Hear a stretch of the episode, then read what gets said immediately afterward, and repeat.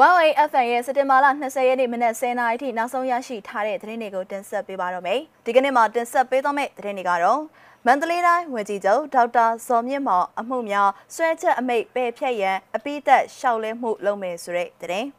။မုံရွာမြို့စီးပွားရေးဘဏ်အဆောင်ကျရဲဝန်ထမ်းတအိုးလက်နက်များဖြင့် CDM ပြုလုပ်တယ်ဆိုတဲ့သတင်း။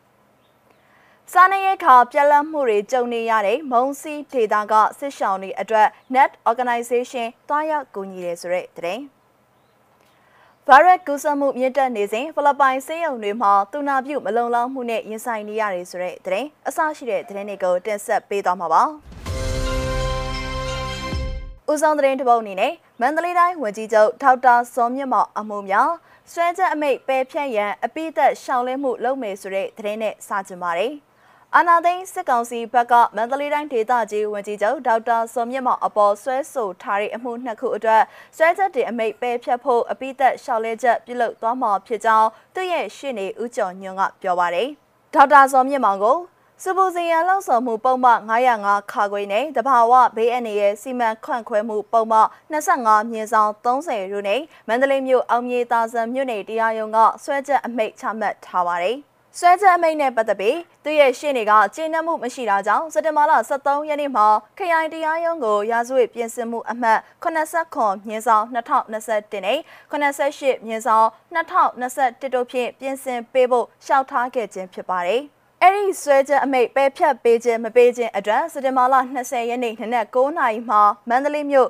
65လမ်း34လမ်းနဲ့35လမ်းချာရှိခရိုင်တရားရုံးမှာအပိသက်ရှောက်လင်းချက်ပေးသွားရမှာဖြစ်ပါတယ်။ ဆွဲချမ်းမိတ်ပြင်ဆင်မှုကိုရှောက်ဖို့လုပ်နေတော့ကိုဗစ်ရောဂါကြောင့်နှစ်လနီးပါးရုံးတွေပိတ်ထားတော့မရှောက်ဖြစ်လိုက်ဘူးအခုအောက်ကောင်းလာမှာပြန်ဖွင့်တော့ဖုံးဖွင့်ခြင်းပဲရှောက်လိုက်တာရှောက်လိုက်တဲ့နေမှာပဲလက်ခံပြီးတော့မနှက်ဖြန်ကိုဆွဲချက်အမိတ်နဲ့ပတ်သက်လို့ဆွဲချက်တင်သင့်မတင်သင့်အပိသက်ရှောက်မှာပါဒေါက်တာစောမြင့်မောင်တော့ရုံးမထုတ်ဘူးကျွန်တော်တို့ပဲသွားမှာပါလို့ဦးကျော်ညွန့်ကရှင်းပြပါတယ် ဒေါက်တာစောမြင့်မောင်ကိုပုံမှန်905ခါကွေးအတွက်မန္တလေးတိုင်းဒေသချင်းခရိုင်အုပ်ချုပ်ရေးမှူးရုံးရှိလက်ထောက်ညွှန်ကြားရေးမှူးဒေါ်နွယ်နီခိုင်က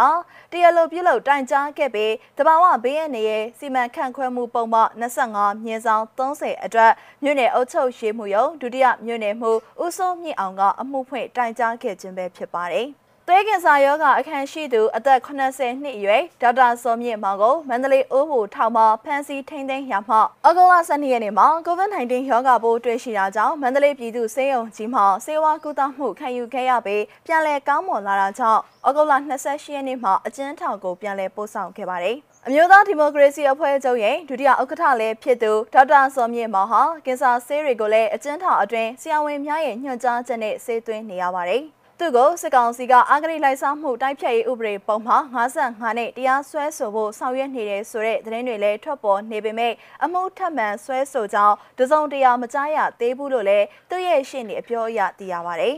။ဆရာဝန်ဖွဲ့ရနိုင်ငံရေးသမားကြီးဟာအရင်ကလည်းနိုင်ငံရေးအကျဉ်းသားအဖြစ်စုစုပေါင်း19နှစ်အကျဉ်းထောင်မှာဖြတ်တန်းခဲ့ဘူးသူလည်းဖြစ်ပါတယ်။သူကလက်ရှိအကြမ်းဖက်စေအုပ်စုကဖေဖော်ဝါရီလကတည်းကဖမ်းဆီးခဲ့ပါတယ်။ နောက်ထပ်သတင်းကမုံရွာမြို့ကသတင်းပါ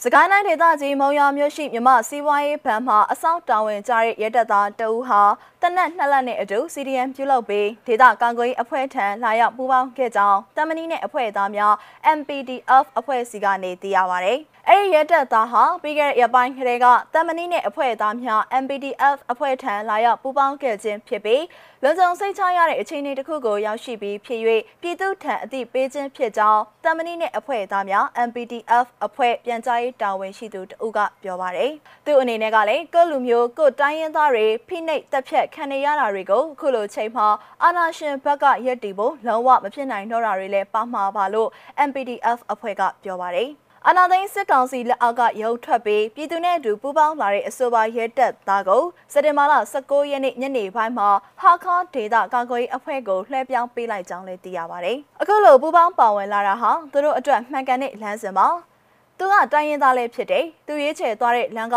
မှန်ကန်ပါတယ်။ကျွန်တော်တို့အနေနဲ့ကလည်း CDM သူရဲကောင်းတွေအတွက်မှဲ့တပေါက်မစွန်းစေပဲတာဝန်ယူကူညီပေးသွားမှာပါလို့တမနီနဲ့အဖွဲ့သားများ MPDF အဖွဲ့ကညစီမကိုပြောပါတယ်။အကြမ်းဖက်စစ်ကောင်စီနဲ့လမ်းခွဲပြီးလူလူနဲ့ပူးပေါင်းလာတဲ့တပ်မတော်သားတွေနဲ့ရဲတပ်ဖွဲ့ဝင်တွေရဲ့အကျိုးခံစားခွင့်ကိုသူတို့ရဲ့လှုပ်သက်ယာရုမှစ၍ပင်စင်အထိပါတာဝန်ယူမယ်လို့အမျိုးသားညီညွတ်ရေးအစိုးရ NUG ကကတိပြုပြောကြားထားပါတယ်။ နောက်ထပ်သတင်းကိုတော့ရှမ်းပြည်နယ်မြောက်ပိုင်းကသတင်းနဲ့ဆက်ချင်ပါတယ်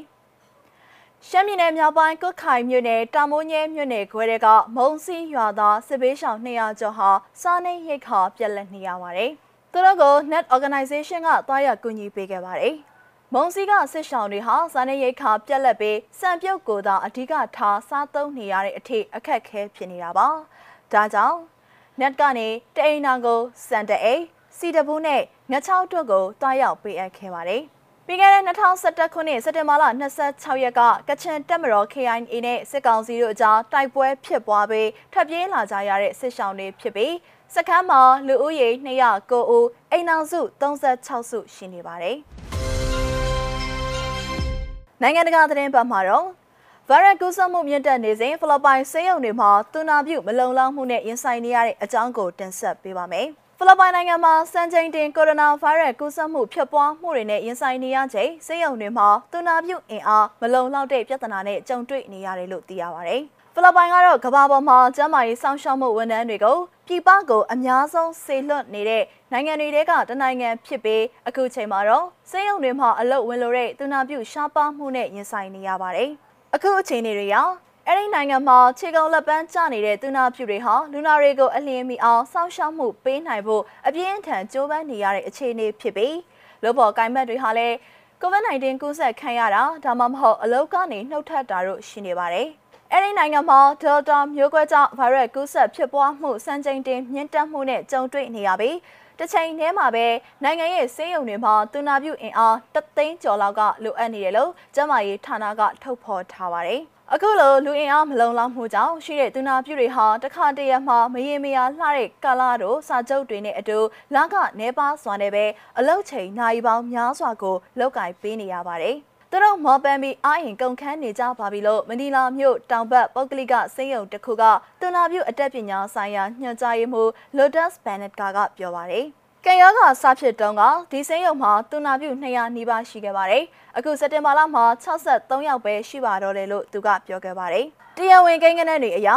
ဖိလစ်ပိုင်ရဲ့အစိုးရနဲ့ပုဂ္ဂလိကစိမ်းရုံတွေမှာအလုပ်ဝင်နေတဲ့တူနာပြုဦးရေ9000ခွဲခန့်ရှိနေရလို့သိရပြီးအကြံဖြင့်အဖြစ် နောက်ထပ်သူနာပြုအင်အားတသိန်း9000လောက်ထပ်မံလိုအပ်နေရလို့သိရပါတယ်။ဖိလစ်ပိုင်မှာတော့ကိုရိုနာဗိုင်းရပ်စ်ကူးစက်ခံရသူစုစုပေါင်း2တန်းကျော်ရှိနေပြီးသေဆုံးသူ3600ကျော်ရှိနေရလို့လည်းသိရပါတယ်။ One FM ရဲ့စက်တင်ဘာလ20ရက်နေ့မနက်10:00နာရီထိနောက်ဆုံးရရှိထားတဲ့သတင်းတွေကိုတင်ဆက်ပေးခဲ့တာပါ။နားဆင်ပေးခဲ့တဲ့အတွက်ကျေးဇူးတင်ပါတယ်ရှင်။